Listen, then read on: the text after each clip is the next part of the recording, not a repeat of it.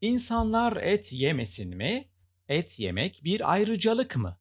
İşte bu sorular üzerinden insanlığı kurtarmaya, belki de kendimizce eşitliği sağlamaya çalışırken bir de baktık ki tartışma et yerine ot mu yiyelim tarzı komik bir noktaya gelmiş. Aslında gelmişti. Son dönemde biliyorsunuz kişilerin tercihlerini tartışmaya ve çoğunlukla da anlamamaya odaklanmış insanoğlu et sevenler, şimdi et sevenler ama bunları tabii alt gruplara ayırabiliriz. Tavukçular, balıkçılar ve daha neler neler. İşte bu gruplarla vejeteryanların tartışmalarını izlemeye alışmıştı. Şimdi beni soracak olursanız ben ne olursa olsun yerim yaklaşımını benimsemiş durumdayım.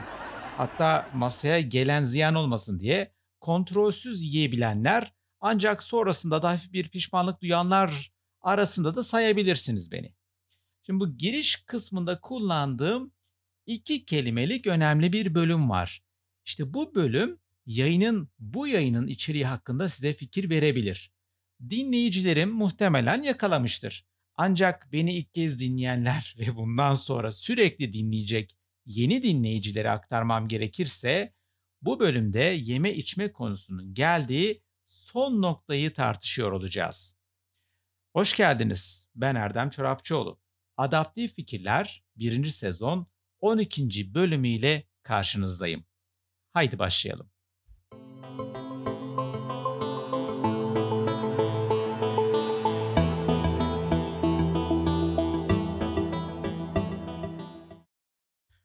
Bu bölümde kısaca içinde bulunduğumuz dönemi ve bu dönemin getirdiği yeni yaklaşımları beslenme açısından inceliyor olacağız. Hep hedeflediğim gibi yani her ne kadar bu hedefi tutturamasam da kısa bir bölüm hazırlamaya çalıştım. Şimdi nasıl bir dönemdeyiz hatırlayalım. Aslında her gün sabah akşam hatırlıyorsunuz ama bu yayının takip edilebilir olması için birlikte bir hatırlayalım. Yılın başından itibaren pandemiyle karşı karşıyayız biliyorsunuz. Yeni normal denen çok sayıda değişikliğe alışmaya çalışıyoruz. Bir taraftan geçmiş hayatımızı sorguluyoruz. Bu içinde bulunduğumuz bu sıkı dönemde. Bundan sonrasını sorguluyoruz. Ve tabii ki bu dönemin getirdiği değişimleri anlamaya, zaman zaman da kabullenmeye çalışıyoruz. Bazı kişiler gelen her şeyi kabullenme konusunda usta olduğu için bu konular onları ilgilendirmiyor olabilir. Aslında kabullenmek zorunda da değiliz ama yaygın kanaat yeni normal tanımlaması ile bu değişikliklerin alıştırılmaya çalışıldığı yönünde.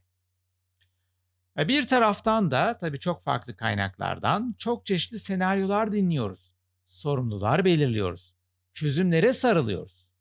E çünkü bu belirsiz ve tehditlerle dolu dönemden kurtulmak istiyoruz. Bu çok normal.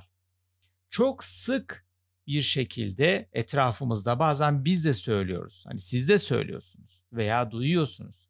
Yeter artık ile başlayan şikayetleri dinliyoruz. Açıkçası bu karmaşık ve kasvetli dönem kendi çözümlerini sunmak, belki de dayatmak isteyenler için bulunmaz bir fırsat. Bunu kabul etmemiz gerekiyor. Neyse şimdi adaptif fikirler çerçevesinden çıkmayalım. Biliyorsunuz bir çizgimiz var. Beslenme demiştim ve yayının başında et konusuna özellikle vurgu yapmıştım. Bu döneme ilişkin problem tanımı yapanların e, küresel ısınma, karbon emisyonu e, ve, ve bu çerçevedeki yorumlarını muhtemelen dinlemişsinizdir. Karbon emisyonu ile ilgili benim de yorumlarım olmuştu hatırlarsanız. Eski yayınlarımda bunlardan bahsetmiştim.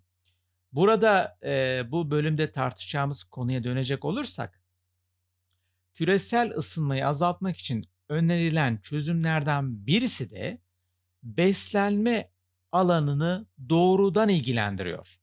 Şimdi nasıl olabilir diye düşünebilirsiniz eğer gündemi takip etmediyseniz veya gündemde olan olayların birbirleriyle olan ilişkilerini yakalayamadıysanız. Konuya biraz daha büyük bir çerçeveden bakmamız gerekiyor. Et konusuna dönecek olursak, tükettiğimiz etin kaynağına odaklanmamız gerektiğini göreceksiniz. Örnek olarak inekler. E tabii farklı kaynaklardan da et tüketiyoruz, et sağlıyoruz ama inek örneğinden ilerleyeceğim. Çünkü benim incelediğim kaynaklarda ve raporlarda inekler incelenmiş. Yani aslında problem daha büyük. Neyse.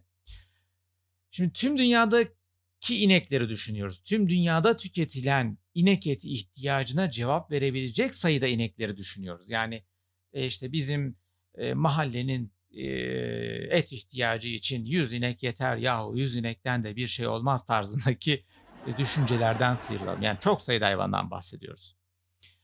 Beslenme ihtiyacımıza cevap veren hayvanları incelemişler. Yani e, bu hayvancılıkla ilgili sektör verilerinden yararlanarak belli bir noktaya, belli bir değerlendirmeye ulaşmışlar.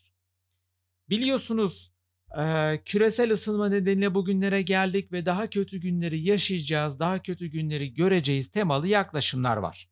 Bu dönemde de çok yoğun dillendiriliyor. Buna karşılık da hani bu problemlere karşılık da küresel ısınmaya yönelik çözümler üretenler veya e, bu konuya çözüm üretilmesi gerektiğini dile getirenler de var. Duyuyoruz, izliyoruz tartışma programlarında, raporlarda vesaire. Peki nedir bu küresel ısınmaya neden olan unsurlar? Yaygın düşünce işte fabrikalar, taşıtlar, ormanların katledilmesi gibi noktalara odaklanıyor. Ancak şimdi işte bağlıyoruz konuyu. Yepyeni bir perde açılmış durumda. Hayvanlar. Beslenmemiz için üretilen, yetiştirilen hayvanlar. Şimdi rakamlar ile sizi boğmak istemiyorum ancak çok çeşitli kaynaklarda beslenme amacıyla yetiştirilen hayvanların e, küresel ısınmaya neden olan gazların üretiminde hiç de küçümsenmeyecek oranda etkili oldukları yer alıyor. Bazı rakamlardan hadi bahsedeyim. Hayvancılığın küresel ısınmaya neden olan bu gazların %15'inden sorumlu olduğu iddia ediliyor. Şimdi bu gaz boyutu yani hayvanların ürettikleri doğal gazlar. Yani doğal gazlar biliyorsunuz metan gazı olarak da e, özel, özelleştirebiliriz bunu. Hayvan üretiyor bunu. Yani e, aramızda kalsın ben de üretiyorum. Yani siz de üretiyorsunuz ve size bir tavsiyede bulunayım. Üretmeyenden de uzak durun yani o şişmiştir o insanlar. Neyse geri dönelim. Ciddiyetimizi koruyalım. Adaptif fikirler ciddi bir yayın. Peki sadece bu mu? Hayır. Aynı zamanda işte bu e, bizim tüketimimiz için e, ihtiyaç duyulan et üretiminin yani bu konvan bu bilinen yöntemle üretilen et üretiminde çok fazla su, tük- su tüketildiği de iddia ediliyor. Yani aslında e, hayvancılık bir problem olarak görülmeye başlanmış gibi gözüküyor. Çözüm ne? İşte bu kaynaklarda bu değerlendiriciler, yorumcular hatta raporlara bile yansımış ki bu arada %15 dedim ama farklı raporlarda çok daha büyük rakamlar da var. Neyse devam edelim. Çözüm olarak hayvancılığın azaltılması ve hatta sonlandırılması öneriliyor. E şimdi diyeceksiniz ki biz et yemeyelim mi? İlk bölüme hatırlarsanız bu bölümün ilk bölümüne, bu yayının ilk bölümüne ne diye başlamıştık? Et yemeyelim mi? İnsanlar et yemesin mi? İşte insanlar et yemesin? Yok hemen çözüm üretmişler. Yapay et öneriliyor. Yani geleneksel yöntem ile üretilmemiş yapay bir yaklaşım yine burada da karşımıza çıkıyor. Geçtiğimiz yıllarda e, belki basından takip etmişsinizdir yapay köfte, işte yapay et tarzı haberler vardı. Yani laboratuvar e, ortamında aslında yapay et üretimi yapılmıştı. Ancak e, ancak e, bu e, üretimin maliyetli olduğundan bahsediliyordu ve e, konvansiyonel yöntemlerle rekabet edemeyeceği söyleniyordu. Şimdi tabii bu rekabeti e, bu sistemin e, yararına dönüştürülüyormuş gibi bir hava oluşmasın ama rakamlar gösteriyor ki işte bu hayvancılık vasıtasıyla üretilmiş olan etler bu raporlardan anladığımız kadarıyla küresel ısınmaya büyük bir etki sağlıyor. Hatta bir yıl boyunca e, işte 8 litre tüketen bir araçla karşılaştırmalar bile var. Yani aslına bakarsanız çok büyük bir tüketimi var. Bildiğinizin aksine hayvanlar küresel ısınmaya çok fazla etki ediyor tarzında yaklaşımlar söz konusu. Ya bunun nasıl etkileri olur tartışmaya açık. Ancak ben adaptif fikirler soruları ile sizlerde düşünmenize yardımcı olacak bazı kapılar açmak istiyorum. Şimdi yapay bir husustan bahsediyoruz. Bu yapay üretim katkılı bir üretim midir acaba? E, muhakkak katkılı bir üretim olacak. Ama acaba neler katılacak? Peki et olmayan ama etin yerini alması hedeflenen bu besin adayı üründe neler olacak? Ne etkileri olacak? Yani kısmen aslında burada bir ilaç üretimi gibi bir şeyden bahsediyoruz. İlaçla ilgili hedeflenenler, ilaçlarla neler yapılabileceği veya ilaçların yan etkilerine yönelik inanılmaz programlar yapılabilir ama biliyorsunuz ne beslenme ne de ilaç konusu benim uzmanlık alanım. Bu nedenle size sorular soruyorum.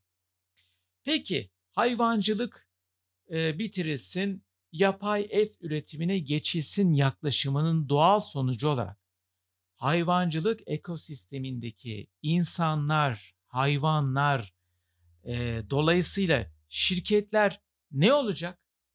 İnsanlar ve bu alandaki şirketler tekrar konumlanabilecek mi? Bu alana yatırım yapmış birileri ama bundan sonrası için kimler yatırım yapıyor? Peki bu etlere biz erişebilecek miyiz? Biliyorsunuz küresel kriz döneminde bu pandemi döneminde nelerden bahsediyoruz? Ne yaşadık biz? Küresel tedarik zinciri etkilendiği için kritik bileşenler sınırlı sayıda üretilebildiği için bazı ürünlerin tükendiğini gördük değil mi? Şimdi biz konvansiyonel eti hayatımızdan çıkarıp bu fabrikasyon ete geçtiğimizde es kaza bir kriz döneminde veya bir savaş döneminde veya çeşitli kaynaklar su, elektrik ve benzeri kaynaklar tükendiğinde ne yapacağız? Bunlar nasıl bir dönemi doğuruyor acaba? Neyle karşı karşıyayız? Nasıl değerlendirmemiz gerekiyor? Birlikte düşünmemiz gerekiyor bence. Birlikte ele almamız gerekiyor. Belki soruyu bu kadar fazla hayvan üretilmesine gerek var mı boyutunda sormak gerekiyor. Belki de alternatif ama doğal besinlerle etten sağlanacak ihtiyaçların, etten, etten sağlanacak e, hususların insanlar tarafından e, karşılanıp karşılanamayacağına mı odaklanmamız gerekiyor? Yoksa direkt bu yapay çözümü kabullenmemiz mi gerekiyor? Ben bu konuyla ilgili, bu yapay et konusuyla ilgili yine yakın çevremde yaptığım tartışmalarda çok net ya biz yapay eti kabullenmeyiz yorumu yapan arkadaşlarımla tartıştığımda e, başka bir çözüm yolu bulunabilir yorumunu e, almıştım. Sizce ne olabilir? Yoksa bu gelen e, dönem bizim karşımıza yepyeni sorunlar çıkaracak yepyeni çözüm adaylarıyla mı geliyor? Çok karmaşık bir bölüm oldu ama görünen o ki sarı kız, benekli, efendime söyleyeyim, o çanlarıyla ortalıkta dolaşan hayvancıklar tehlike altında. Ormanları kurtaramadık. Ee, hayvanları kurtarabilecek miyiz? Bilmiyorum. Hayvanlar mevcut üretim sistemi içerisinde durmalı mı? Yoksa bu üretim modeli değişmeli mi? Onu da bilemiyorum. Gezen tavuk diye bize normal tavukları yedirmeye devam ettiklerini ve hatta organik karmaşası içerisinde aslında organik olmayan şeyleri yediğimizi düşündüğümüzde bu yapay etle zaten yapay ifadesinden de yola çıkarak et yemeyeceğimiz çok açık. Yahu biz ne yiyeceğiz? Bundan sonra neyle karşılaşacağız? Bu belli mi? Ülke olarak buna hazır mıyız? Bilmiyorum. Ancak görünen o ki beslenme konusunda çok derin bir bilinçlendirmeye ihtiyacımız var. Bilinçli tüketici olmaya ihtiyacımız var. Dünya kaynakları, küresel ısınma bir sürü temada bunu inceleyebiliriz ama önümüze gelen hazır çözümlerden ziyade bizim ürettiğimiz çözümlere ulaşabilmek dileğiyle. Sen kalın.